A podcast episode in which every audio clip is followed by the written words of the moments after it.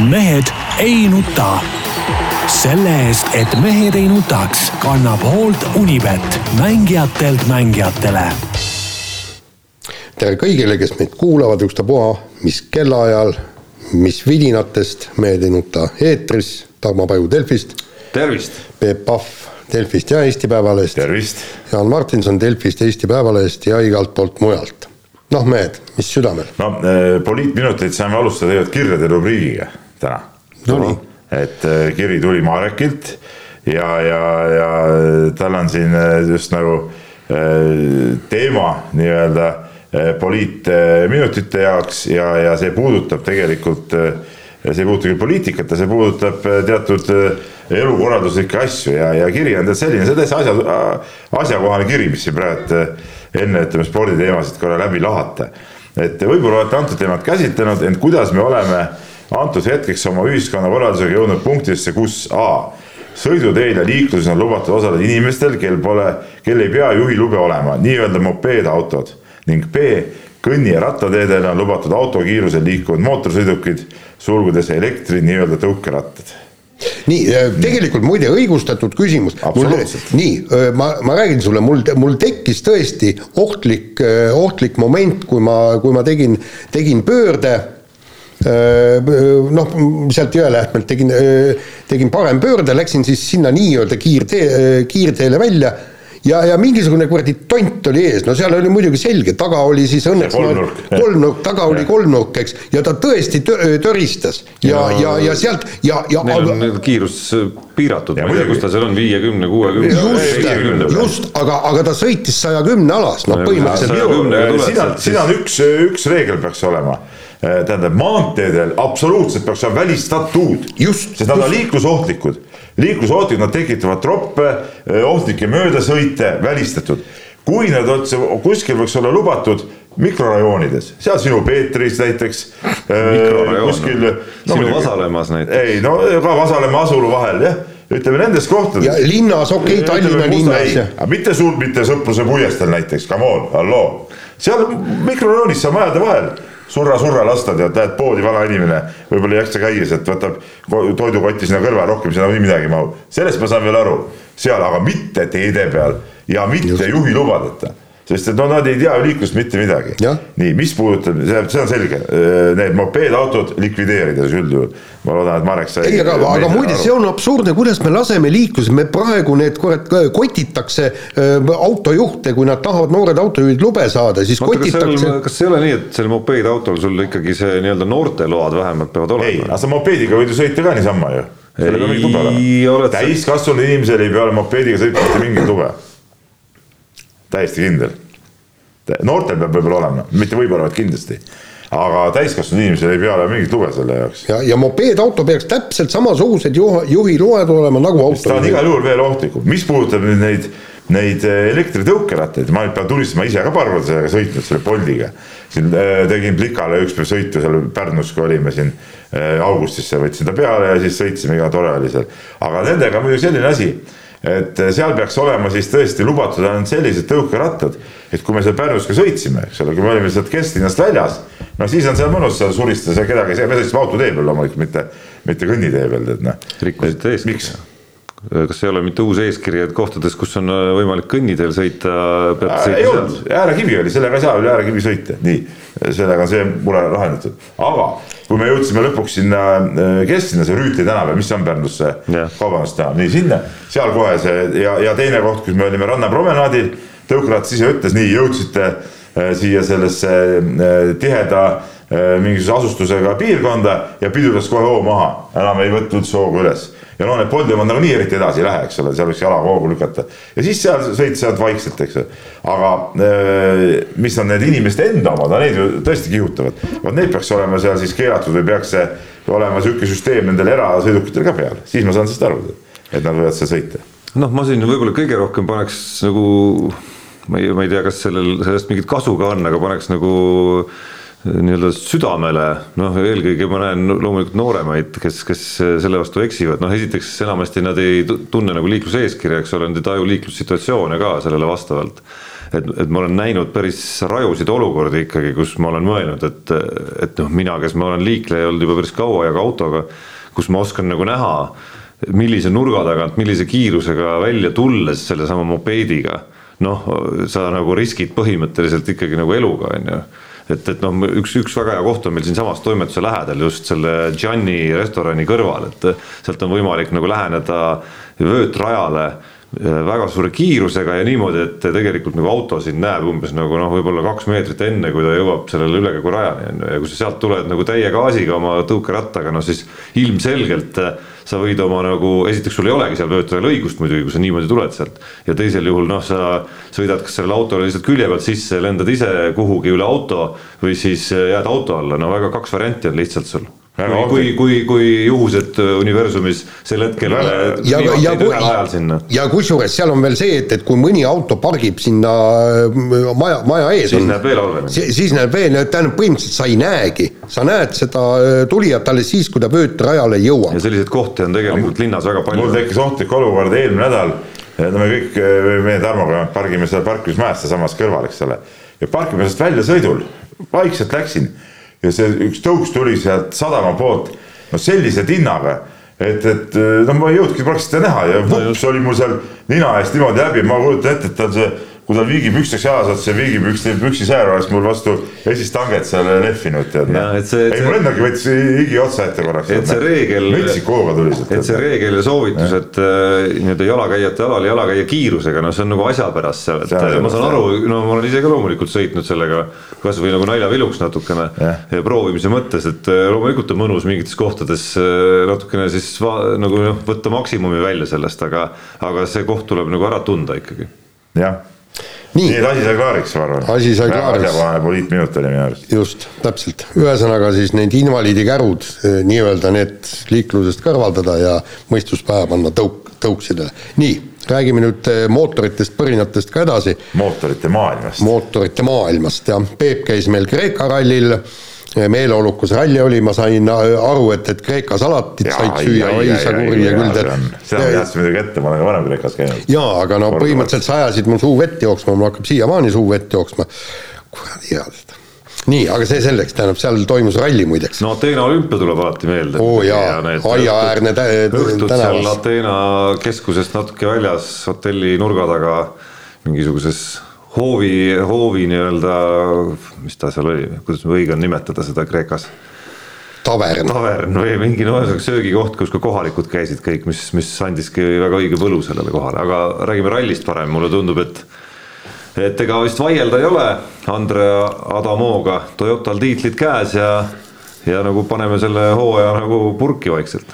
no öö, praktiliselt küll jah, teoreetiliselt muidugi noh, võib kõike juhtuda, eks ole, aga aga praktiliselt on, on asi klaar ja, ja, ja ütleme nii, et Jari-Mati Latval siiski tiimijuhina on teinud suurepärase debüüti. ja, ja, ja, ja kusjuures, kusjuures. oota, ma tahtsingi vahele torgata just seda mõtet, mis tekkis selle punkti katse vaatamise ajal justkui, et see on ju nagu nii teenitud nii-öelda nagu edu, mis on Toyotal sel aastal Hyundai ees, kus nagu reaalselt ühega juhtub kogu aeg ja teisega nagu vaikselt nagu ikkagi väga nii palju ei juhtu.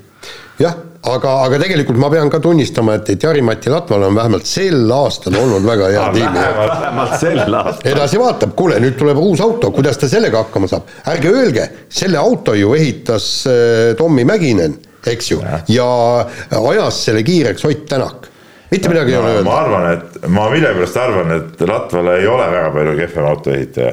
saab näha, saab näha. ta on tegelikult, kes nagu me teame Jaan mõlemad väga hästi, kui hea analüüsivõimega ta on, et ma arvan, et see, et see kandub üle ka auto ehitusse tegelikult. jah, loodame ja loodame, aga, aga tegelikult on noh, üks asi on see Toyota, eks. Kõik läks nii nagu, nagu arvata oli, eks, et Sebastian Ogier ei hakanud liialt gaasi suruma, võttis oma kolmanda koha ära, sellega ta sisuliselt noh, kindlustas maailmameistritiitli. seda ma kirjutasin reede õhtul päeva kommentaaris, et, et niimoodi läheb. nii, aga, aga no muidugi, muidugi kaks asja Ott Tänak jällegi ütleb, et ta ei saa öö, mugavalt selle autoga sõita, no ei, ei suuda jätkuvalt ja järjepidevalt seda öö, seadistust paika saada. ja no muidugi see, mis öö, Kalle Rovandpere tegi, noh see, see tegelikult oli see, et, et ma laupäeval eriti seda rallit ei vaadanud, noh poole silmaga vaatasin neid kiiruskatseid ja, ja splitte.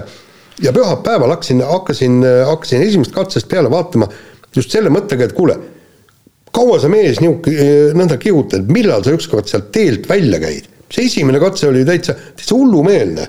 kui, kui, kui vend tuleb, palju ta pani järgnevatel ära, mingi kaheteist, neljateist, viieteist sekundiga, noh ja, ja, ja no tegelikult on ebareaalne, vend esimest korda sõidab Kreeka rallit, keerulist rallit, esimest korda. Kreeka rallit sõitsid paljud tegelikult sisulist esimest korda no,, väga, väga pikk vahe oli olnud. just, aga, aga just see on see, mis me oleme kogu aeg ju, vaata meil eh, see Madis Kalvet, kes on nii-öelda rallianalüütik, väga huvitavaid niisuguseid väikseid artikleid kirjutab, kui ta, kui ta kirjeldab, et, et Tänaku edu ongi eh, nendel rallidel, mis toimuvad esimest korda mm. -hmm. eks seda me teadsime, oleme varem ka siin rääkinud seda. just, sellepärast et ta suudab ja oskab väga hästi legendi kirjutada ja nüüd tuleb mingisugune poisike ja kirjutab seda legendi, ma ei saa öelda, et paremini, aga ta kirjutab äh, sama hästi, noh. no ja mis oli kõige muljetavaldavam veel selle äh, Roampera äh, edu juures oli see nii-öelda finaal ehk siis punktikatse, kus võis nagu arvata, noh, et ta ei lähe seda punktikatse võitu noolima, et tal mõttekam on lihtsalt kindlustada endale see see rallivõit ära. tiimile ka. ja tiimile ka, eks ole, aga, aga see, kuidas see punktikatse läbis, kui, kui, kui lahe oli seda vaadata, kuidas ta sõitis, eks ole.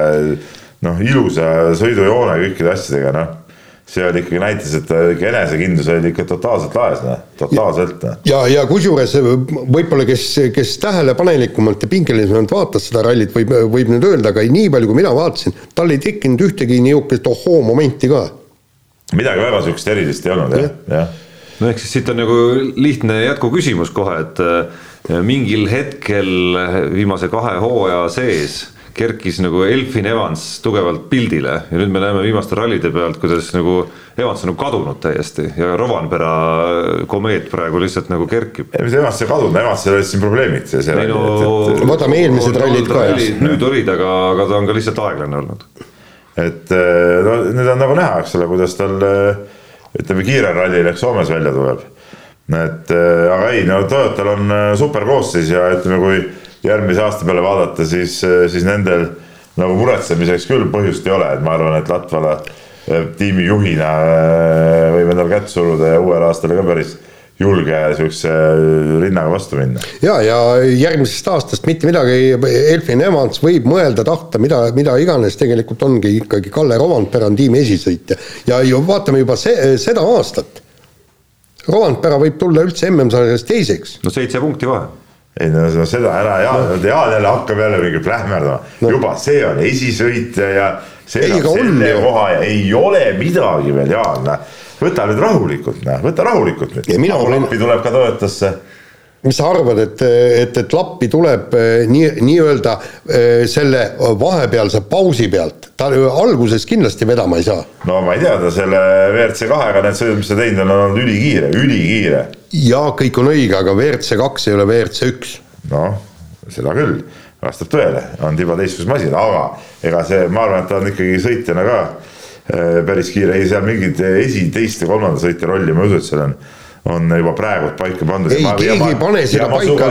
ma ei ole sinuga üldse nii kindlalt äh, nõus, et, et, et see nüüd hakkabki nii olema, et Latvala, vabandust Latvala, vaid Roompere kõik äh, rallid võidab ja. ei, ei ta ei võida. ei, ei ta ei võida kõiki rallisid. see poiss on muidugi tasakaalukas, noh, oligi pühapäeval seal intervjuu ajal ka ütles, et oli jutt, et noh, et nüüd tuleb ju tegelikult Soome ralli, kus sa peaks olema ka väga kiire ja ütles seda ära, aga ma ei ole kunagi WRC autoga seal sõitnud, et see on ikka hoopis keerulisem, et seal ütleme, ei, ma nagu nii enesekindel küll praegu ei ole, et, ma peaks seal peaks seal kohe saama võidu kätte. ja aga, aga see ongi poliitkorrektne vastus ja. no tema muidugi, no ta on sihuke vend ka muidugi, tüüpiline soomlane, ega seal mingeid emotsioone ütleme sealt ei ole, tuleb siis intervjuutsiooni, noh, see mask on ka ees siis ta midagi pobiseb seal, eks ole, seal eriti pole kuuldagi midagi. ja, ja, ja niimoodi on kõik läheb minema, tead noh. noh, et seal ei ole nagu no siukest, et fa-fa näpud püsti, ei kuule hästi panin onju. no vanamehed saite, eks ole, paras teile, mina olen, ei midagi.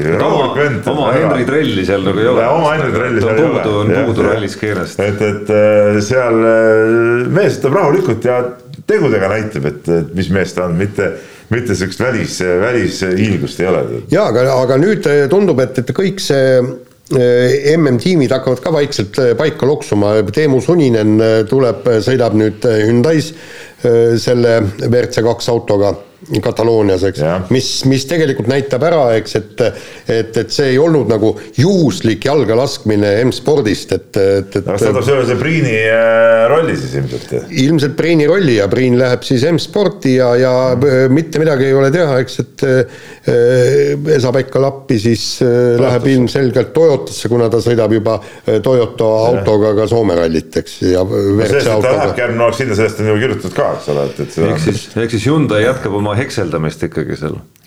jaa, aga mis, mis muidu, kui me tuleme tagasi Kreeka ralli juurde, mis oli nagu minu jaoks äh,, mitte nüüd pettumus ei saa öelda, aga nagu ootamatu oli, oli Sordo väga vilets sõit. täitsa olematu tempo tegelikult ju. Kriigsmiti ja nende meeste tasemel sõitis ju.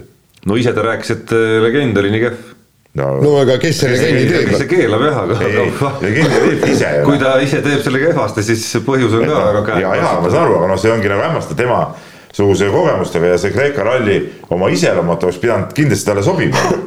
ja, ja kusjuures ta on Priinile ju selgelt alla jäänud kui, kui veel eelmine aasta me rääkisime, et ta on fantastiliselt, Sordo on fantastiliselt hea nii-öelda tiimi kolmas number, kes kindlustab alati kõik need kohad ära ja kõrged kohad ka no, kõik ära. aga, aga teistpidi noh, ta siiski seda halba tööd ju nagu sa mustvalgel vaatad ka ei teinud, kindlustaski selle neljanda koha punktid ära. no aga mis sa teed neljandaga? see nagu noh, see peaks olemagi nagu selline nagu nii-öelda sanitaarmiinimum, mida siis Priin ja Sordo selles rollis peaksid tegema. aga Priin on kaks ei, korda teine olnud. ei no on jaa, aga on ka tagapool olnud siiski. ei olnud, sellepärast et Toyota oli esimene, kolmas, Hyundai teine, neljas, ta oleks pidanud olema vähemalt kolmas vähemalt kolmas oleks pidanud olema. ja aga no selle ütleme esmaülesanne, need esimese ja kolmanda koha äratoomise ülesanne on ikkagi Tänakul ja Neville'il. okei okay,, aga olukorras, kus Neville'i oli tehnilised probleemid, pidi Sordo tegelikult äh, võtma tema rolli üle ja ta on ju ralli, ta on isegi võitnud ju neid rallisid, tema tase on tegelikult sõita sellisel kivirallil nagu need Kreeka on, nagu Sardiinia on seal sõita ikkagi esikolmikusse, mitte kaotada kahe minutiga. no ta oleks võinud survestada vähemalt suuta natukene seal no,, jama oli selles, et ta oli lihtsalt ta minutite kaugusel. ja meeste surve all seal, et see oli nagu nali jah. aga vahetame teemat, läheme võrkpalli juurde.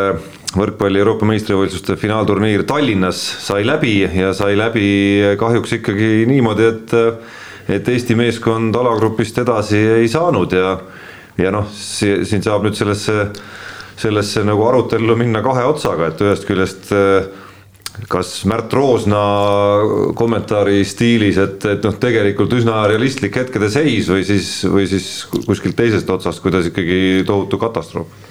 no me, ma... see ongi realistlik hetkeseis, ega siis eh, mille pealt äh, ole, oleks pidanud ootama mingit hirmsat edu, noh. ütleme, meil on toimunud tegelikult ju põlvkondade vahetus koondises selge see, et eh, see sidemängija roll, nii nagu oligi karta, kui Toogalit ei ole, et noortel meestel on seal natuke raske, nad said häid kogemusi ja kõik juttu, kõik on tore ja õige.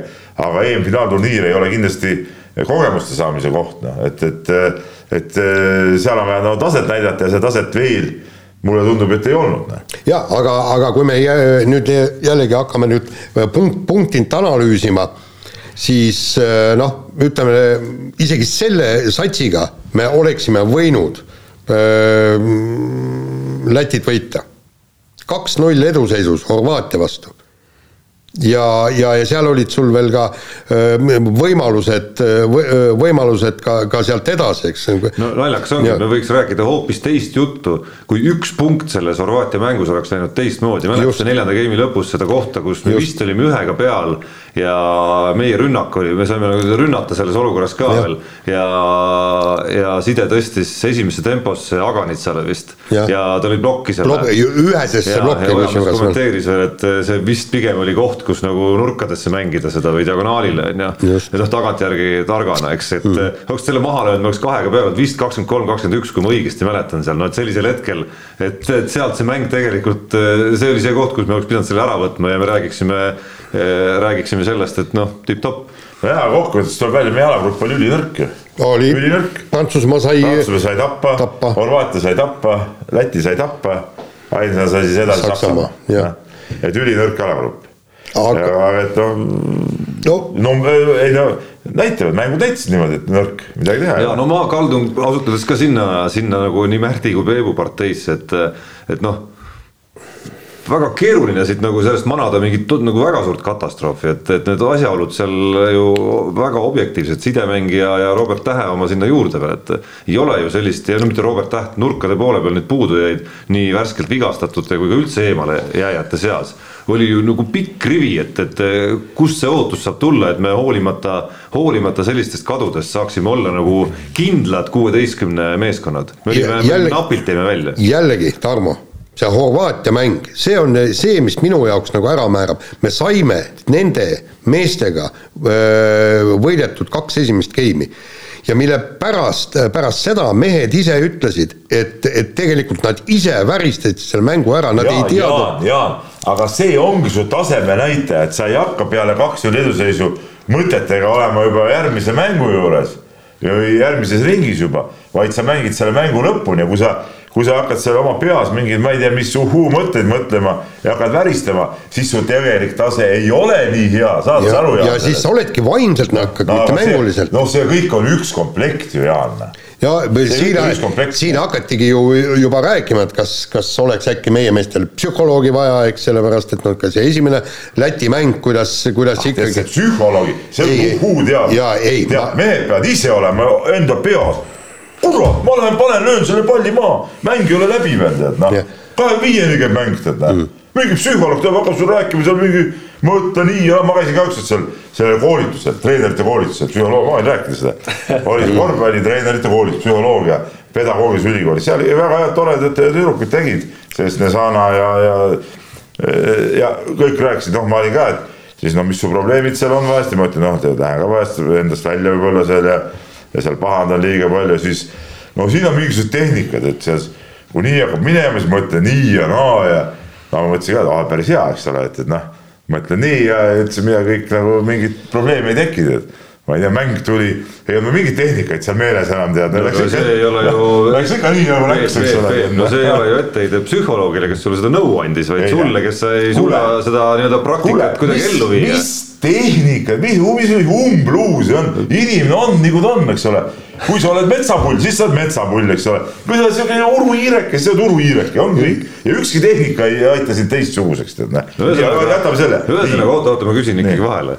Et ühesõnaga, kui sul, no ma, ma ei tea täpselt, mis detailidest te rääkisite, aga ütleme, et sul on nagu treenerina, su tre, sinu kui treeneri miinus on, ütleme, no sul on mingi selge nagu puudujääk, noh näiteks see, sa ärritud liiga kergesti, näiteks. ma ei tea, kas see oli see näide, on ju. et siis äh, seda ei olegi võimalik muuta sinu arust ja sa ei peakski sellega nagu vaeva nägema, et seda muuta või noh, sama näide, ma ei tea äh, oled ajakirjanik ja sul on ikka kirjavigadega suht palju probleeme ja noh, on nagu on, las ta olla, ma olen, olengi sihuke kirjutaja ja midagi teha ei saa. ei no, no sa Oota, midagi ühe korra ei õnnestunud, ise ma ei seda oota, rahu, rahu, rahu. ma tahan seda öelda, siin mingi see, mingi uhuu reeglid kuskilt või tehnikat kõrvalt ei aita, sa ise pead vaatama ja tunnetama seda värki, tead näe. ja aga ei, mitte mingid, et oi nüüd on tehniliselt see, et ma nüüd mõtlen äh, selle tunned nii, ma hakkan tegema, oi, ma mõtlen nüüd seal äh, ilus liblikas lendab ja siis äh, midagi ei juhtu. See nii päris ei käi tegelikult. No ma ei tea esiteks, mis nõu ta andis, aga kindlasti on neid võtteid väga palju erinevaid, millest kindlasti mõni sobib sulle. Tarmo, minul on ju nimede kirjutamisega eluaeg probleeme olnud, eks. ja, ja, ja mida ma teen, eks ma löön sinna äh, nii-öelda otsingusse selle nime sisse, Google'isse sisse ja lihtsalt teen copy paste, eks No ju. nii, ei, aga saad aru, mina ennast ei saa muuta ma jäängi nimesid valesti kirjutama Ei no- see, see ei ole mitte, saad aru, täpselt nii, ei no sa ei pea ennast muutma, sa ju muudad seda nii-öelda tulemust nii-öelda. ei, aga see on tehniline, see on puhtalt ei no tehniline ega oma see, mõtete kontrollimisega saab samamoodi tegeleda. ei no mõtted ja ikka mõtted ja oota, nüüd me läheme nagu algusest ära, mul on siin Jaa. võrkpallis, mul oli veel teemat siin. Oli veel teemat siin, ega see nii, nii, niisama lihtsalt see asi ei käi. kõigepealt tahaks lauda oodi nüüd Aavo keelele muidugi. Ülikõva, ülikõva kuulab praegu, ma tean, viis pluss, kiidame. ühtlasi, Tarmo Paju, ma lugesin, et Aavo Keel ütleme sinu kui euronoorega ei olnud nagu rahul, et, et mis sul on enda õigustuseks oot-oot-oot-oot-oot-oot, stopp Nii., vot siin ma ütlen küll Aavo keelele, et kuule, mees, sa tegid ikkagi su-, liiga kõvasti oma suud lahti. asi oli see, kui te, Tarmo ütles siin, et Aavo Keel on nii-öelda psühhorünnak Eesti kohta, et te võidate seda Horvaatiat kolm-null, mille peale oli siis Keel pahane, ütles, et tema avas oma hinge ja kuu sisse, siis Tarmo sülitas. nii, Keel. Peep, ma sinu asemel, esimese punktina ütlen, ma sinu asemel nagu ei, ei oleks võib-olla nii sõnakas siin, teades, mis sa ise nagu, nagu arvasid, arvasid ja tegelikult saates ka väljendasid natukene. olles nõus siiski enam-vähem mu nägemusega, siin, siin käib nagu nii-öelda psühholoogiline töötlemine, aga ma ju, just, ma tahan, kus sina tahad jõuda. jaa, ma tahangi öelda, et kui kaks-null oli seis siis mehed mõtlesidki, et mäng on tehtud, ise ütlesid pärast. just täpselt ja seda ma ütlen, et, et Aavokene, Tarmol oli täiesti õigus, psühholoogiliselt see sinu sõnavõtt, see ei olnud mitte Tarmo hinges, sinu hinge sülitamine, vaid Tarmo nägi ära, kuidas need asjad tegelikult käisid. no, mina ju ei tea täpselt, mis olukorras Aavo Keel oli, kui ta pärast eelmist mängu rääkis seda juttu, on ju ja, ja teine avas oma hinge. avas oma hinge, eks ole, no seda ma ei teadnud, eks ole, ja, ja võib-olla avaski selles mõttes, et ega me seda, seda saab ainult tema nagu täpselt öelda, aga eh, noh, täpselt samamoodi saan ma öelda, mida mina tunnen, kui ma neid või tundsin, kui ma neid Aavo keele sõnu lugesin ja noh need on nii-öelda nagu ärasõnumise laused minu jaoks, isegi kui see ei olnud nagu eesmärk otseselt. hästi sõnus nagu. ja tule, tulemus maksab. nii nagu ka pärast, nii nagu ja. ka enne esimest mängu sõnus ja. päris hästi. ja, ja, ja tegelikult osalt on see nüüd ja minu. see ei ole, ja see ei ole üldse, Aavo, mingi etteheide sulle, et vastupidi, hästi tehtud. aga nüüd mul, mul on nagu see küsimus tegelikult, et noh, et tuleb välja, et ikkagi Aavo Keel on äh, kõvem treener kui, kui need välismaalased siin, eks ole, noh, Jaan, sa isegi oled seda, seda välja toonud ju. no seda saab ka teistpidi vaadata, teile meeldib rakendada seda selle, et, et äh, näed, välistreener igal juhul halb Lätil läks väga hästi välistreeneriga. jaa, aga ma tahan öelda seda, et miks äh,, miks, miks kasutad sa välistreenerit, kui meil on omal hea treener, kes on muuseas ka ju finaalturniiridel Eesti peatreener ka mänginud. räägitakse mingi, et oh, tema see värk, et on sihuke nagu lihtne ja võib-olla äh, nagu kuidas ma ütlen, vanaaegne see lähenemine, eks ole, detailidele ei pöörata tähelepanu ja nii edasi. noh, aga mis siis, mis see detailid siin aitavad, kui hakkad jääd hirmsasti liiga detailidesse, ei tulegi võib-olla seda mängu, kui sa võtad asja natuke lihtsamalt ja kergemalt, võib-olla kerge siukse ütleme mõnikord ka huumoriprisma kaudu, siis asjad õnnestuvadki paremini, mis on Aavo puhul on ilmselgelt elu seda näidanud. noh no, samas teistpidi 呃 suudate te nüüd näppu peale panna, et mis nüüd täpselt nagu Enaardi taha siis nagu jäi selles asjas, et okei, okei, oota ei. kas ta tegi, kas ta tegi psühholoogilist rünnakut lätlastele näiteks? et ühe, okei okay,, ühe, üks selge küsimuse koht on, eks ole, sidemängijate valik võib-olla, eks ole, mille üle, mille üle polemiseerida, et kas Martti Keel näiteks oleks seal ühe sidemängija võib-olla nagu parem. oleks ka Martti Keel võib-olla olnud koondises. aga ma arvan, et nagu, aga et nagu esimesed faktorid ikkagi. Markus Keel, jah, jah. Aga esimese, nii-öelda esimesed äh, punktid ikkagi, mis nagu analüüsi mõttes siin järele, järele vaadates on, lähevad ikka nagu nagu muusse valdkonda kui see nii-öelda, kas seal oli ees Enaart Keel või keegi kolmas? ei, aga mis mõte on seda välismaalast siis tuua, kui see mingit efekti ei anna meile? jah, täpselt no,. kus sa tead, et ei oleks andnud, kui meil oleks täiskoosseis näiteks. no oleks no., oleks on oleks. ja kui sa tead, et ei andnud, noh, me ei tea kunagi, kuidas oleks läinud Aavo Keelega, Andrei Ojametsaga, ükskõik kellega, no võib-olla poleks jõudnud finaalturniirile. no kuidas ei oleks, no ta on ennast tõestanud juba ju, näe, Aavo Keel viis samal tasemel võistkonna viis teise ringi, no väga lihtne mm,. kas Aavo Keel enne, kui ta viis teise ringi, jõudis ka mitte viia? noh, järelikult ka sada protsenti ei viinud kogu aeg. mis mitte viia? No tema hoole all olev koondis iga kord ei jõudnud teise ringi no iga kord ei jõudnud, nad finaalturniiris üldse esimest korda. no seda ma räägingi noh, et see, me ei tea kunagi, kuidas no, see oleks läinud. aga, aga tema ajal Eesti on tulnud, ma räägin, ma räägin veel kord, et meil ei ole mõtet kummardada neid välismaa treenereid kui on omal normaalsed spetsialist, ma ütlesin Paavo keel, meil on ju siin teisi treenereid ka, las, las põrutavad. see, mis ma tahtsin öelda lihtsalt on see, et see ei olnud selle võimekusega. olusid ja asju palju paremini. minu mõte oli lihtsalt see, et see ei olnud see nii-öelda see, selle võimekusega meeskond hetkel mille puhul see kuueteist hulka jõudmine nagu oli nagu kohustuslik. ei, Tarmo, veel kord, ma treenerilt küsin, eks me, miks ta ei kasutanud siis äh, Lätiga mängus, miks ta hakkas Lätiga mängus tooma öö, äh, sisse Robert Tähte, Äh, kes selgelt äh, ennast välja ei veenitanud, miks ta ei pannud Teppanit ja vennad koos platsile?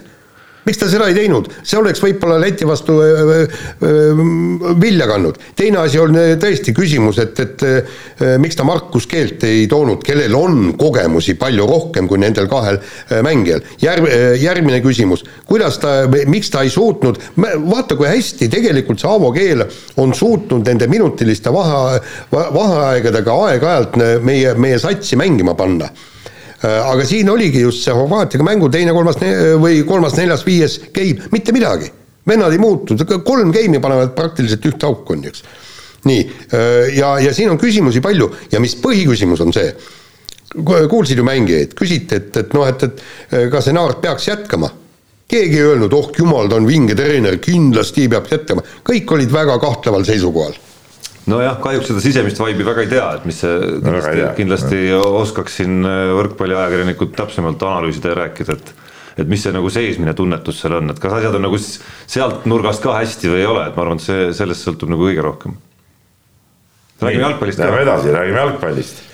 ja Eesti mängis siis Walesiga eelmine nädal ja triikisid võõrsil üllatuslikult null-null viiki, suuresti Äh, Karl Jakov Heina hiilgavale tööle väravas. no mis ta nüüd nii, ega see klassikaline triikimine see selles mõttes ei olnud, et tulevärki oli ju kõvasti selles mängus. viik on viik. et, äh, et äh, mulle tuli mängu ajal küll meelde siin, mis päeval see mäng oli meil, kolmapäeval või neljapäeval, et kuidas Jaan eelmises saates siin Äh, tahtis jälle minna selle liini peale, kuidas meil siit nagu midagi, mingit lootust ju sealt altpoolt ei ole, et minu arust see oli just see mäng, kus, äh, kus, kus me nagu väga reaal, reaalselt nägime, mismoodi lootust just nagu on no, tärkamas no,. jaa, ära nüüd, ma ei tea, kas sina kirjutasid selle lause siia, nüüd ju hakkab küll looma, eks ole. absoluutselt nii no,.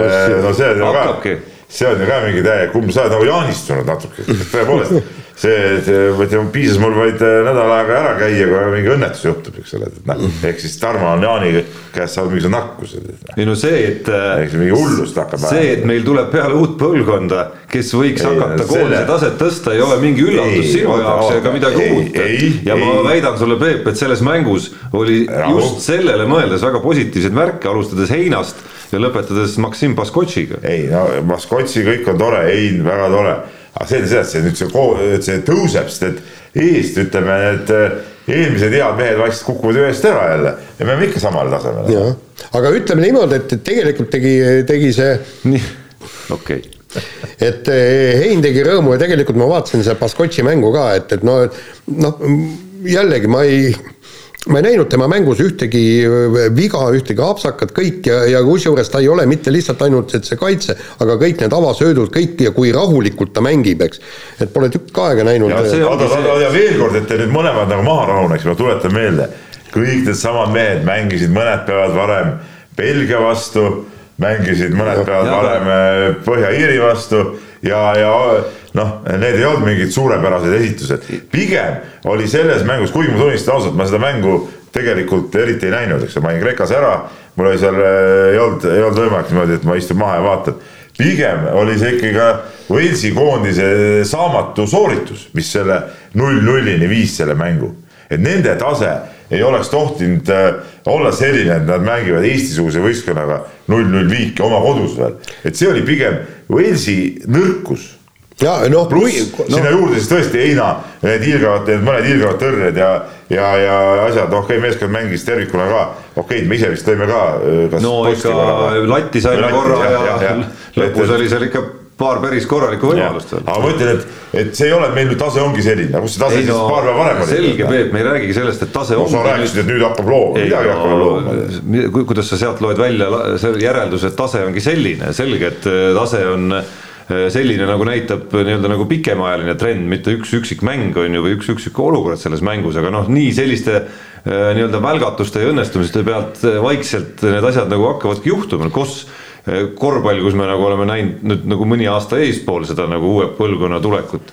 Noh, seal ju samamoodi algas see põlvkondade vahetus sellega, kuidas esimeses valiktsüklis ilma, et nii-öelda vanu seal väga juures oleks, saadi korralikke koslepeid lihtsalt no ega see Kosovos ka midagi juhtuma võib-olla hakanud. no ei ole, otseselt ei ole. no finaalturniiril saavad ju praegu kõik, kes tahavad, see on nii suur, suur see finaalturniir. no kui kõik saavad, kes tahavad, siis miks me iga kord ei ole saanud, noh nüüd saime. see, see, et me siiamaani polnud saanud, no see oligi alla igasugust lati ja see, et me praegu sinna saime, see ei ole veel küll mitte mingisugune näitaja. no see on parem kui see, kui mitte saada. no jaa, aga see ei ole mingi taseme näitaja, see ei aga ole. no ütleme see, mis just mida selles mängus oli minu arust nagu tunda, mida oleks tahtnud võib-olla varem näha rohkem ja just nagu kuidagi sisemiselt tajuda ka nendes eelmistes mängudes oli see, mismoodi noh, needsamad kaks tüüpi kasvõi, kes on ikkagi noh, tõeliste maailma tippmeeste juures seal tippklubides on ju ja ongi seal reaalselt põhisatsis saanud harjutada ja ka juba mõnes mängus väljakul käia, et et noh, need mehed noh tõesti, nad tulevad sellise kooli pealt, kui nad on selliste meestega koos olnud, siis,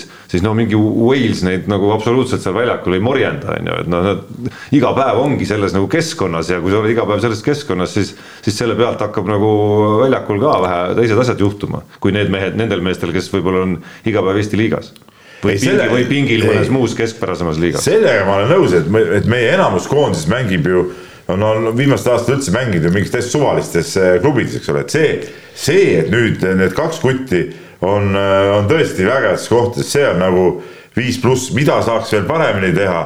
muuseas, millest äh, me võrkpallis ei rääkinud korra, Robert Täht ütles ka nii-öelda oma superklubi, vaata. Täht ütles ka, et ta oleks nõus väiksema palgaga kui Eestis oleks võrkpalli oma superklubi pandaks kokku, kes mängiks Euroopas korralikul tasemel, vot see oleks äge värk. sama äge oleks, kui meil oleks jalkas. Kunagi oli Pärnu noh, midagi sellel no sisuliselt jah, jah, et kui meil oleks jalkas ka ikkagi ütleme, see Flora eh, veel kõvemaks ajada, et nad, et nad nende rahadega, mis nad Euroopas saavad, tugevdaks seda põhimeeskonda ja teeks sellest tõelise superklubi, mis stabiilselt mängiks Euroopas nendes äh, sarjades nagu põhiturniiridel, vaat siis, vaat siis hakkaks meie üldine ka selle, tõusma. mulle tundub, et see oleks mõistlik ainult siis sinna suunda minna, kui, kui jalgpallis oleks ka selline süsteem, kus sa nagu saad nagu kuidagi meistrina kasvõi nagu garanteeritult selle koha seal, et mitte nii, et sa nagu ajad, ajad ennast väga suureks ja siis eelringis kukud välja ikkagi. No aga sa pead ka Ja siis ajama nii mängid suureks, et Eesti sa ei liigat. kuku välja, ja siis mängid Eesti liigat, ei no selles mõttes lõpuks sa mängid ikkagi vastastega, kellele sa võid kaotada, ükskõik kui suureks sa ennast ajad ja, ja kusjuures Täht ütles ka, et tegelikult ega me,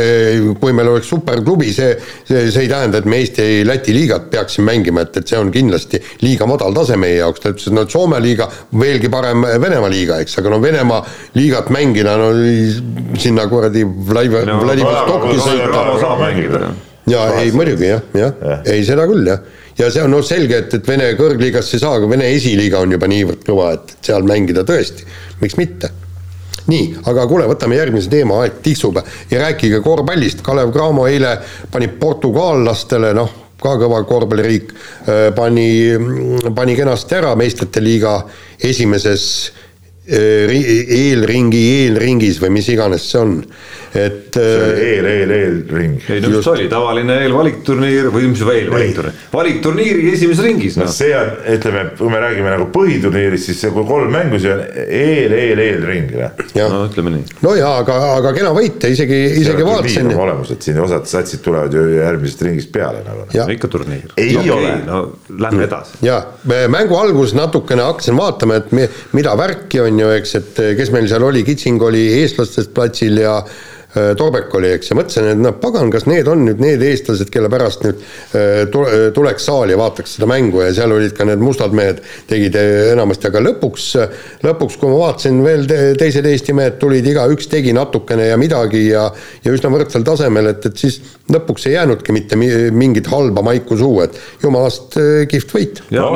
ma ütlen, oota, ma ütlen jah. Penne ära, et äh, üks asi, ma arvan, kordab täpselt sedasama, et ma ütlen, esiteks ma olin meeldivalt üllatunud, mu ootused olid väga mu ootused olid, mu ootused olid äh, isegi vist liiga all, ma arvan, et ma oma ootustega tegin tegelikult Kalev Cramo omadele liiga seekord. aga ei, oota, oota, aga räägime selle selgeks. oota, kuidagi see, kuidagi see taust, need Leedu mängud täpselt., see, mida ka noh, okei okay,, üks asi on see, et kontrollmängud noh, ei olegi lõpuni mingisugused näitajad, aga, aga ma ka individuaalses plaanis ei näinud seal nagu sellist tunnet ei tekkinud, et voh, et nüüd on komplekt, no vähemalt, et komplekteerimine on nüüd väga täkkesse läinud, seda tunnet ei tekkinud, see oli see, mis minu nagu, mulle nagu ei andnud seda optimismi kuidagi.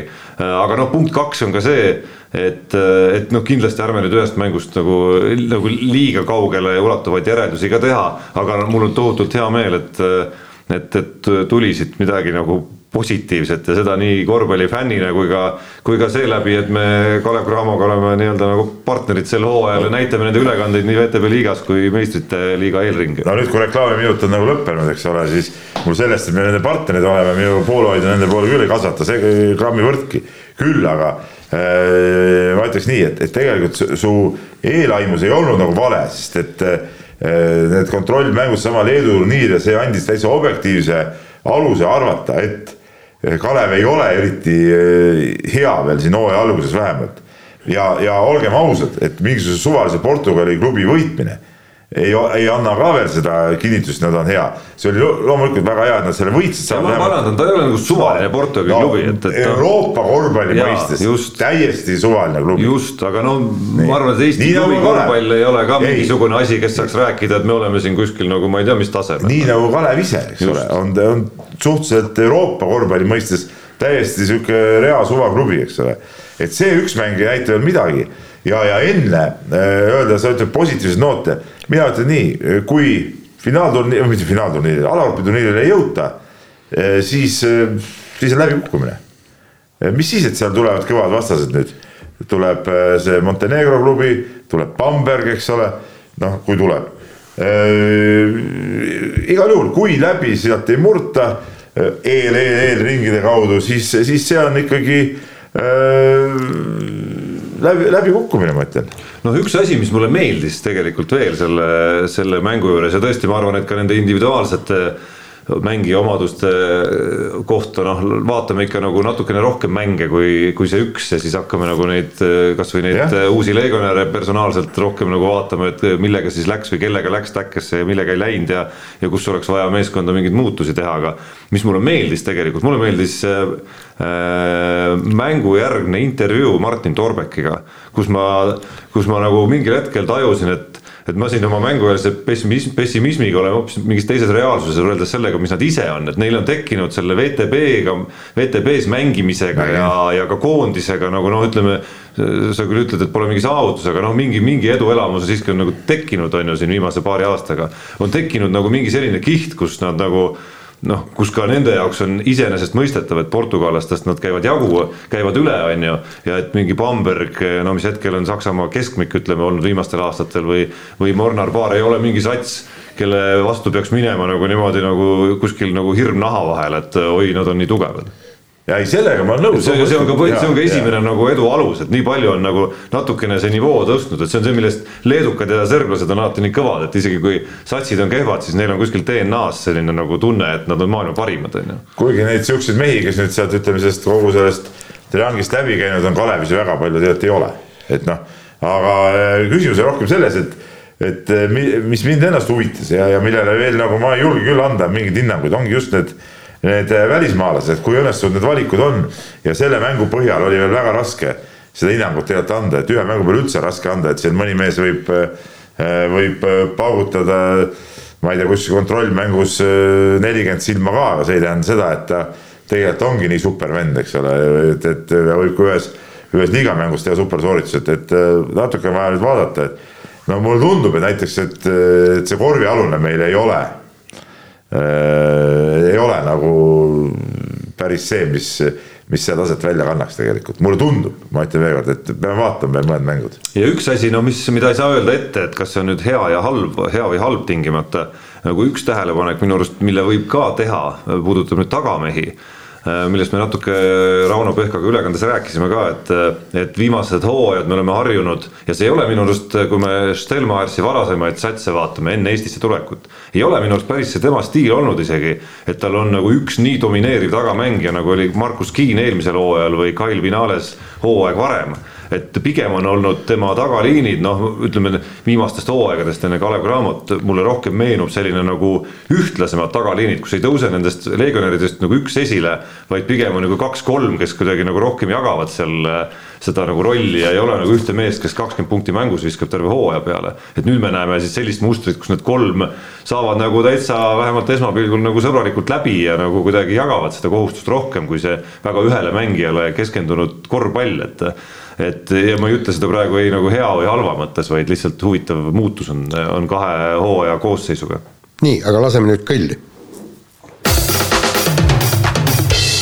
jätkame kiire vahemänguga ja äh, paar jalgpalliskandaali oli eelneval nädalal ja skandaal üks oli see, et, et äh, Martin Reim, U üheksateist koondise peatreener, lõi satsist minema Aleksandr Šapovalovi, ründaja, kes treenerit kritiseeris, kui kui Reim tegi, tegi kohtumisest kokkuvõtte ja tegi noh, kriitikat siia ja sinna, siis Šapovalov kommenteeris seda juttu ja ütles, et umbes no nii, et, et mida see Reim seal mõmiseb, et ta on nõrk treener ja üldiselt pangu oma suu kinni, vähemalt asja mõte oli säärane. Ja selle peale siis Reim lõi poisi minema, et, et küsis kõigepealt, et kas sina kirjutasid, noh ausa mehena vastas ja mina kirjutasin ja nüüd siis, nüüd siis nii oligi.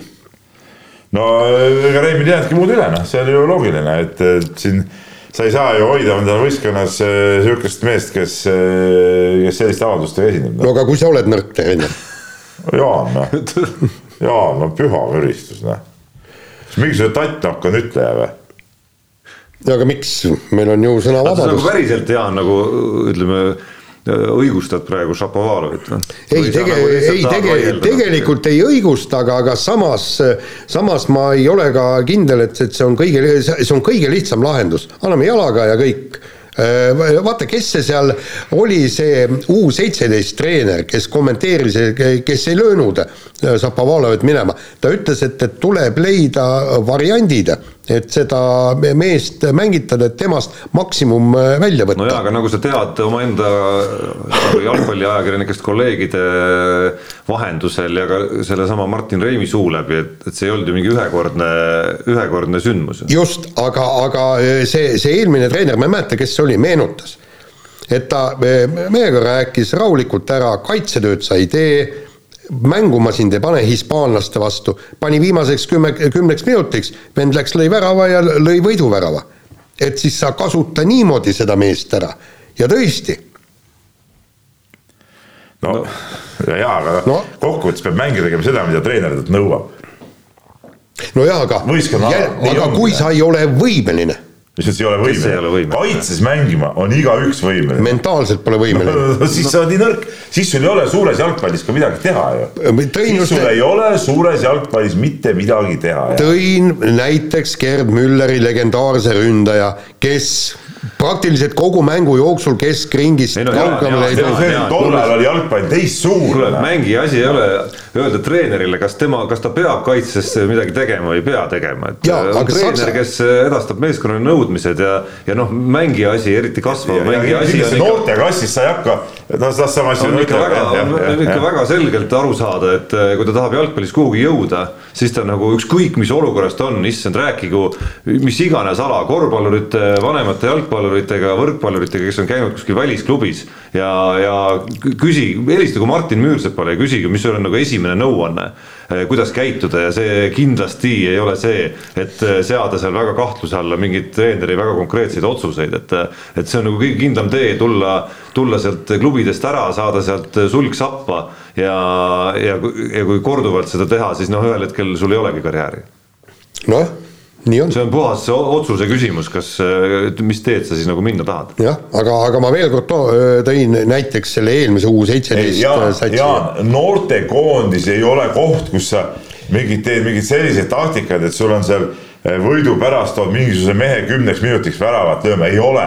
noortekoht on see, kus sa arendad neid mängijaid, nad peavad oskama ja tegema kõiki asju, mida treener nõuab ja nii ongi. seal ei ole tähtis, kas sa võidad Äh, seda näiteks, äh, ma ei tea, Lätit või kaotad, tähtis on see, et tehakse õigeid asju, Jaan, saa aru sellest? No. ja kui aga... sa ei taha neid teha, siis uks on seal, kõik. No,, väga lihtne.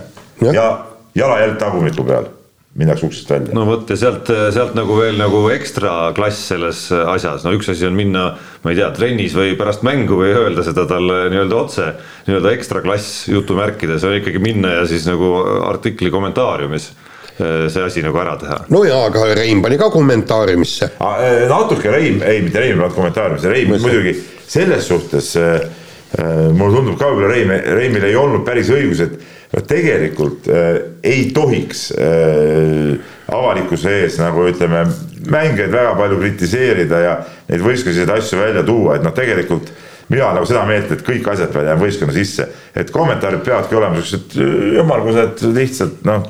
no ajakirjanikuna küll. ajakirjanik on teine asi, ma räägin praegu oma, oma seisukohast, et see kindlasti ei ole nagu see, need teemad, mida peaks nagu lahkama tead aga vahetame. aga kui teine asi on see, kui sa tunnetad, et vot praegult on nüüd õige aeg nagu jälle tuleme, tuleme Aavo keele juurde tagasi, on õige aeg udida mehi, vaat siis vahest tuleb nagu panna no siis võib panna, aga no see, ma arvan, ma arvan, et seal Reim selle mõttega ei läinud välja, ma arvan, aga noh, kui läks, siis, siis ma eksin, vahetame teemat, jääme jalgpalli juurde, Paide linnameeskond ei ole üldse rahul, kohtunik Grigori Ošonkov, hääldasin õigesti, muutis nende mängu, muutis nende mängijale näidatud kollase kaardi punaseks ja penaltilööja Henri Anirile andis poole lõpus siis märku, et kui sisse ei löö, siis jätkuväravat äh, ei loeta ja nüüd on tohutu skandaal. aga mis siin, oota tuleme kõigepealt selle penalti juurde.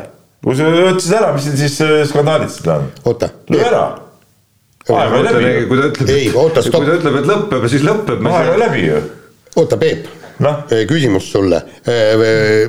anti kolm lisaminutit ja penalti määrati enne, kui need kolm minutit täis said kas aeg käib kogu aeg ju? ei no aeg käib kohtuniku kella järgi, mitte selle kella järgi, mis sul teleekraanil on. nõus mis nee. lõpetab poole aja või mängu? kohtuniku vile. õige, värav löödi enne kohtuniku vilet. no äh, okei okay,, no, no okei okay,, aga väike teooria siin on veel, aga kui ta enne ütles seda, et sellega on mäng läbi noh, siis, siis, siis ei maksa selle ja. vile kallal norida siiski. Äh, aga selle, selle kohta siis ju mängija ütles, et ja treenerid ütlesid, et psühholoogiline mõjutamine. Ei no aga aeg sai läbi, noh, ta tegi kohe sellist edasi mäng, kuule löö see pall sisse, no come on. kui ma olin Aksalul viies neli, nüüd mehed ei saa löödud ära. on ju noh, mis on siis noh. isegi sina, Tarmo, lõid kolm vist ära või, noh isegi ja. mina no,, tõesti, nüüd tuli korüfee välja, elu lõpuni räägib seda. noh, muidugi noh. no jaa, aga Aksalu sulle ei löönud. jah, ja see ongi väga lihtne noh, et võta see pall löö sisse noh jah, et see, see on, see on tegelikult nii ja naa, eks ju kogu küsimus. jah, et ja. Äh, see, et kas, kas jah, et oli küsimus, kas oli vaja nagu tähte närida nüüd tõesti, et see jätkuolukord, mis kestab umbes viis sekundit on ju, et, et kas seda viis, kas see viis sekundit oli nüüd tõesti nagu selline asi, mis oli vaja nagu ära lõigata veel sealt. ei, mis mõttes psühholoogiline mõjutamine, kui sul on peale mängu penaldiseeria kas, kas see, sa tead, seal sul ka ei ole teist varianti, kas see on psühholoogiliselt mõjutab, mõjutamine siis või? ei no ma ütlen nii, et no. kui, kui kohtunik tõesti te, nagu tahtis teha seda otsust ja tundis, et on õige otsus see, et see nii-öelda jätkuolukord noh, et, ei saa, et mäng lõpeb sellega, et nii-öelda on see üks löök, penaltilöök noh, siis see oli ainus variant tegelikult öelda, et nii on, et, et, et kui mööda läheb, siis on poolega läbi kohe, loomulikult ta ei jõua vilistada no okei okay,, no teoorias jah oleks no,. see oleks, oleks uus. see oleks veel totram välja näinud siiski, et sel hetkel, kus seal Paide mees on nii-öelda on nagu palli peale minemas, siis tuleb see vile sealt on ju. et noh, selles mõttes oli nagu aus, küsimus pigem on, kas, kas tõesti oli vaja seda nagu viite sekundit ära näpistada sealt. aga teine. võib-olla see ei olnud kõige loogilisem lahendus. teine asi, okei, mina ütlesin, kui ta ütles ette ära, siis see on täiesti loogiline. teine küsimus see, et ma ei tea, mille alusel ta selle kaardi ära muutis meil ju see... varri midagi ei ole, mille alusel seda muudad või mis? ei, aga mis see, mis see, kuna ma ei ole ka seda mängu ennast nagu näinud tegelikult ju, see oli mm -hmm. sel hetkel ka, kui ma ära olin Eestist mm, -hmm. et mis, mis, mis viis selle kaardi muutmiseni? no vot, seal on jällegi, ei, meil noor reporter, verinoor reporter Kaspar vaatas selle mänguolukorra üle ja ütles, et et ta konsulteeris teiste kohtunikega, aga, aga pai-, paidalased muidugi väidavad, et andis punase pärast seda, kui hakkas siis Levadia pink hakkas hakkas lärmi tegema. aga, aga tegelikult noh, kui sa konsulteerid äh, teine kohtunik kõrvalt ütles talle kõrva, et kuule, siin oli punase koht, no siis, siis. jah, aga kuigi, kuigi ei olnud punase koht väidetavalt jällegi. No, aga noh, see on. üldiselt muidugi, üldiselt muidugi, ma olen muidugi seda meelt jälle, et noh, et eks need kohtunikud on nii, kui nad on. Noh. see on, võtame selle teema sedasi kokku, nii. ja lähme edasi uuesti rallipõrinate juurde ja äh, Hyundai tiimi pealik Andrea Damo ütles siis sihukest asja, et igale eh, vahele jäetud kiiruskatse eest Kataloonia rallil peab Oliver Solberg tegema Hyundai's tasuta nädal aega tööd. normaalne. väga normaalne, väga normaalne. Ja kui sa ütled, Tarmo jälle, pani ta surve alla, eks ole, nagu see Mina kohtunik ütlen, pani. mina ei ole öelnud. kes ütles, Jaan ütles, et pani surve pani surve alla, no peabki panema, noor, tead kõrvatagused märjad, ta peab surve all olema, kogu aeg peab olema surve all, ja, ja ja, ja seal on, Oliver Solbergil ei ole vaja niivõrd kiiresti sõita just lõpuni on vaja sõita. käkerda mööda kraave töö- hakka seal võidu sõitma seal nendega, kes kiiremad on, ei ole vaja. sõida lõpuni kogu selle auto kilomeetrid, noh, lihtne värk. Adamo peaks sellele, neil on ju see eh, noor, see, kes sõidab ka kogu aeg on kraavis, vahepeal on WRC kahega sõidab see Lube. Lube, jah.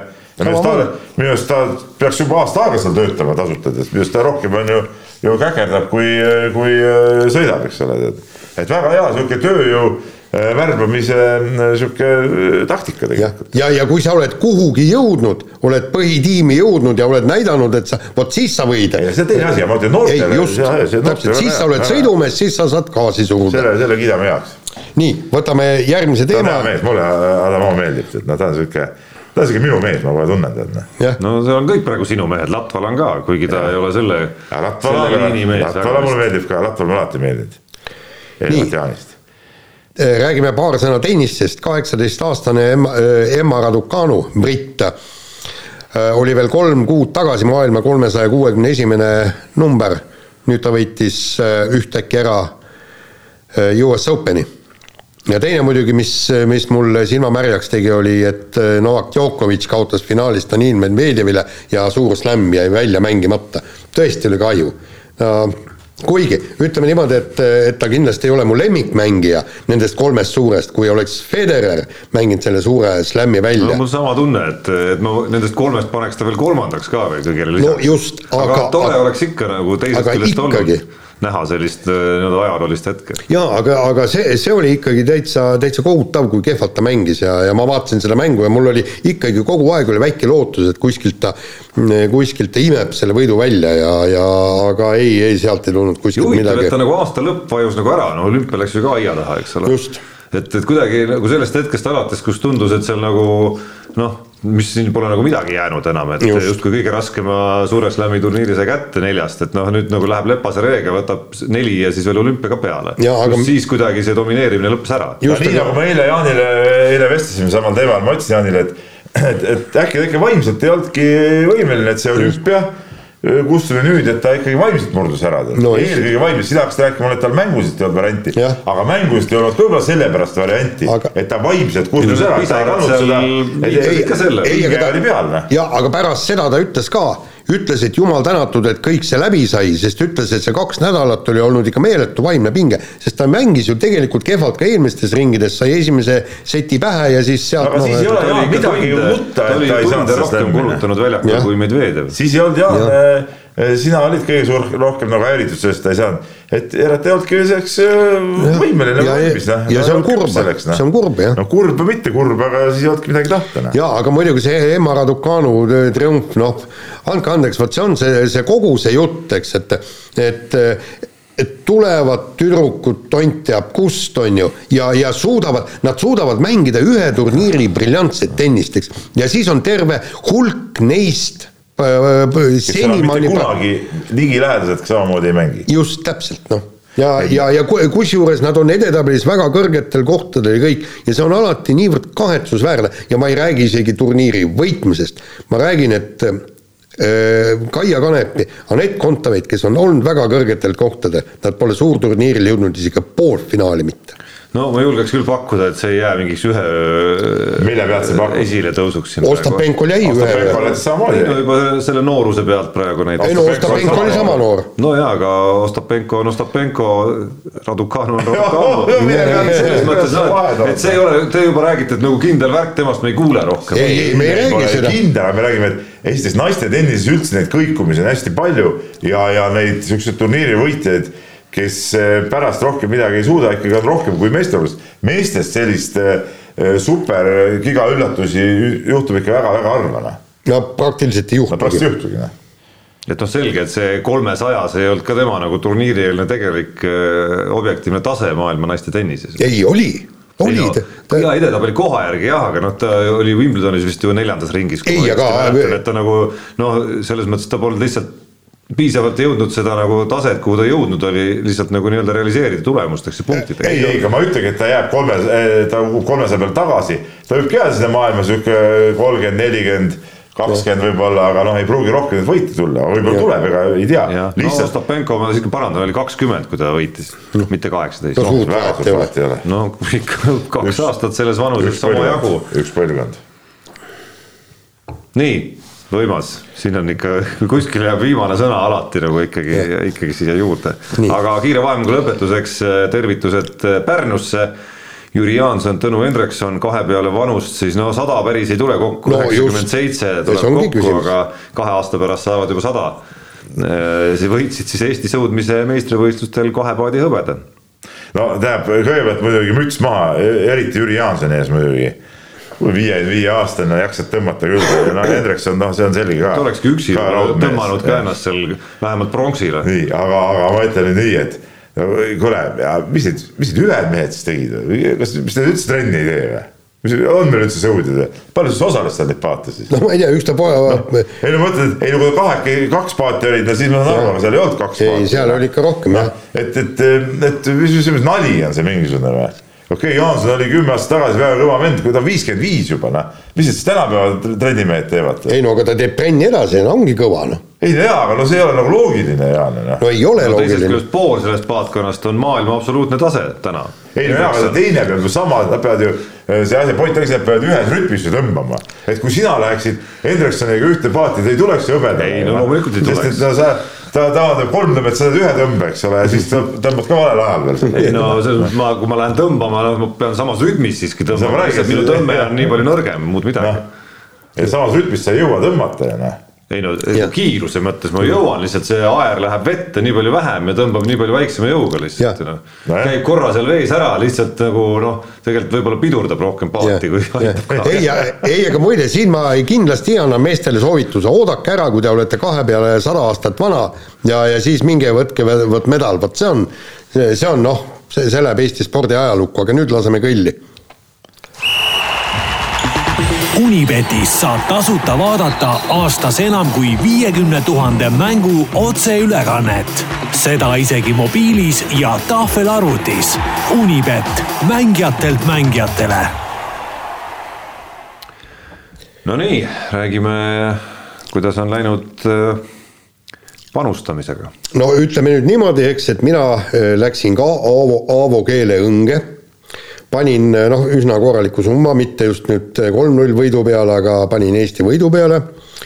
võitu ei tulnud, rääkisime noorreporter Märt Roosnaga Eh, noh, ta leidis, et eh, noh, Aavalt oleks muidugi aus meile see kaotatud summa tagasi maksta, aga noh, ma päris nii ei arva. Noh, ma just mõtlen seda, et vaata, Aavo Keel on nagu väga kirglik jahimees ja näiteks kui ta mulle poolteist, kaks kilo põdraliha tooks, siis ma oleksin täiesti nõus ja ma oleksin nõus kõik selle. see oli ka talle välja pressimine. ma mõtlesin, et sa ütled, et kuna tal nagunii on noh ütleme, ma olen talle haiget teinud, siis noh, et ei hakka suruma teda ei, ei, ei noh, tähendab ühesõnaga ma pole lihtsalt tükk aega, ma just seda äh, riistankäristust äh, tahaksin süüa äh, kartulipudru ja pohhamoosiga. nagu tõeline sahiib. täielik hirmus inimene, hirmus inimene kohe hakkab kuskilt. ei no kuule, mul läks mitukümmend eurot läks selle peale maha. raamaturaha juures sa võid minna rahulikult poodi ja osta ka kogu selle põrraliha ära, mis seal müüakse. ei, ma ei taha. sa oled maha joonud kogu selle raha? ei, ei lihtsalt tähendab, Aavo keele lastud põder on palju maitsvam kui mingisugune suvaline põder. nii no nii, Peep, on mul, passinud, ma arvan. ma seekord passisin jah, kuna mul on seda raha nii vähe, ma ei tea, ma pean mõtlema, kuhu, mis ma sellega teha üldse saan, noh. ma olen nii põhjas omadega, noh okei okay,, no mul äh, läks nii ja naa, noh kokkuvõttes tegelikult hästi, et ma korraks tõusin äh, neljasaja peale Oho. sama mänguga. jumal, poole rohkem kui mul. sama mänguga, mis, äh, kus sina panustasid ka, aga ma panin selle vahega, et panin Horvaatia peale ja siis võtsin selle viiendat game'i selle, mis sealt pakuti välja mm. -hmm. et siis nagu noh, oleks sisse jätnud, oleks veel rohkem saanud ja no teine oli, kadu tuli sisse eile siis, et et oma suures pessimismis tegin ma siiski sportingu peale väikse panuse ja siis õnneks, õnneks, see oli nüüd täpselt see klassikaline panus, kus nii-öelda see oleks miskigi leevendanud seda suurt pettumust, kui, kui oleks kaotanud, aga mehed ei nuta Unibeti eripakkumisi saab olema kaks see nädal. Neist üks puudutab FC Flora esimest euromängu. Äh, koefitsient sellele, et Flora ei kaota seda mängu, ehk siis kas võidab või jääb viiki, on kolm koma kakskümmend viis mehed ei nuta panusena ja, ja üks panus on veel tulekul, see puudutab siis homset Kalev Cramo kohtumist Montenegro klubiga Mornar Bar mis see koefitsient? seda ei tea veel, sest et neid, neid, neid koefitsiente veel ei ole, neid homsete mängude koefitsiente veel ei ole. no ma arvan, et kas Kalev on soosik või? ma ei usu. no aga me peaks panema mingeid imekoefitsiente. Ma ei usu, et Kalev on soosik, nii et ma arvan, et see eripanus Kalevi võidule võib olla täitsa selline. mahlakas. nagu ahvatlev nii, aga lähme kirjade rubriigi juurde ja huvitav kombel muidugi paljud kirjad, mis on tulnud, on on teemadel, millest me oleme juba tegelikult rääkinud, sama võrkpalli EM-i sidemängijate küsimus, mida Tamm Tamm siin meile kirjutas ja ja, ja, ja, ja, ja vaagis siin, miks, miks Eestil ei, ei läinud nii hästi. ja sama see Jüri Jaansoni äh, teema, eks ole, et, et, küsimus, et kas meil siis noori, noori kutte polegi või või, või muidugi see küsimus ka, muidugi Martin oli muidugi hästi hea tähelepanek, et kas meil noori kutte pole, kes üks päev Eesti meeskond näiteks ühe või nelja paadis sõuavad, järgmine päev kaheses paadis. et no tegelikult oleks pidanud ju need noored ju kõik seal. kõik paadiklassid läbi. kõik paadiklassid, paadiklassid läbi sõitma. no just. milles küsimus, noh. paarisaerudega ja siis nende teistega. ei no okei okay,, seal on vist, see on nagu keerulisem, aga, aga ütleme mitu päeva järjest panna, no igal juhul oleks pidanud, noh, milles küsimus on siis. aga teadlane Priidik tuleb nagu ikka meil omapäraste küsimustega välja ja, ja nüüd ta kirjutab nii, et ilustatuna eelmises saates esile kerkinud teemadest esitaksin seekord sellise küsimuse, et millised on olnud saatejuhti arvates nii Eesti Vabariigi kui ka ENSV aegsed suured duellid Eesti spordis. nii isikute kui ka meeskondade tasemel, nagu näiteks Tartu versus Tallinn korvpallis pärast delta tõusu. No vot. ei no hakkab pihta ju see äh, motoringrajal, seal olid ju kõik, kõik seal, seal oli duell. seal ei olnud duelle, vaid seal oli, ütleme ütleme, kui me võtame need äh, Teesalu, Raudsik, Preobraženski, Kovalid, et noh, seal olid ju kõik, nad panid erinevaid klasse ka seal vahepeal.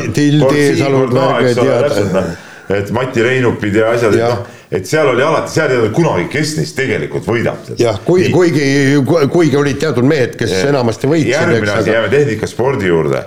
Eesti autoralli, ütleme see kuldaeg, mis oli, kuldaeg, ma rõhutan Eh, Õunpuu Vello, Eiki Ohu, Vallo Soots, Edo Raide, Raido Rüütel. no keegi kurat ei teadnud, kes neist seekord võidab, noh. see ei ole duell, Peep. no ei, ma räägingi. küsimus seal, on ei, duellis. ei, aga vaata, et. Eh, kaks osalist. ma saan aru, me just räägimegi, et need ei olnud nagu duellid, aga, aga kus oli alati nii põnev, et sa kunagi ei teadnud, kes neist võidab ja tegemist oli absoluutsete, absoluutsete tippudega, eks ole. no ütleme, kui rohkem duellist rääkida, veel põrinate juurde jäädes, siis Toomas Nappa, Toivo Asper võib-olla. ütleme, see oli nagu, nagu juba, juba duelli moodi, aga kui nüüd päris päris ütleme klassikalise spordi juurde tulla, siis. no see... Kehra serviti Ke... käsipallis, eriti mingitel aegadel, et praegu Vaata, on seis segasemaks läinud. oli see mingi ajalehtedega seal vigurdati ja tehti igasugust äh, tsirkust, vaat see publik võttis lehed lahti, seal oli keegi oli midagi öelnud ja vanasti sai ikka, ütleme vanasti see oli mingi kahe tuhanded, üheksakümnendad, siis ikka ütleme, need asjad olid terav, praegult ei ole mitte midagi sellist. et siis siuksed vastased olid teravamad, ka, ka seesama see Tartu ja Tallinna korvpall ka enne seda tegelikult, no see oli juba ju äh, varasemal ajal oli Tartu-Tallinna vastasseis oli oli, oli väga kõva. no Flora Levadia ja see oli ju, läks rahvusküsimuseks alguses, kui oli veel äh, ta oli veel Maardu Levadia. Maardu Levadia ja, ja, ja seal, seal oli ju, seal oli ikka põhimõtteline, põhimõtteline ikkagi, vot see oli derbi no kuskil on veel mingeid asju, kus võib-olla väga hästi ajastud ei sattunud võib-olla kokku lihtsalt, et eh, noh, Tammert Kanter, eks eh, noh, nad ei olnud nagu päris ühe põlvkonna kettaheitjad, eks no,. aga nad mingil, mingil hetkel oma karjääris ikkagi olid selgelt nagu võitlesid eh, nii kodus sama tiitli pärast kui ka rahvusvahelistel võistlustel täpselt samade medalite pärast ja täitsa nagu noh, ikkagi suht võrdselt. ühel EM-il sai ju hõbe ja pronks isegi. korra on olnud poodiumil.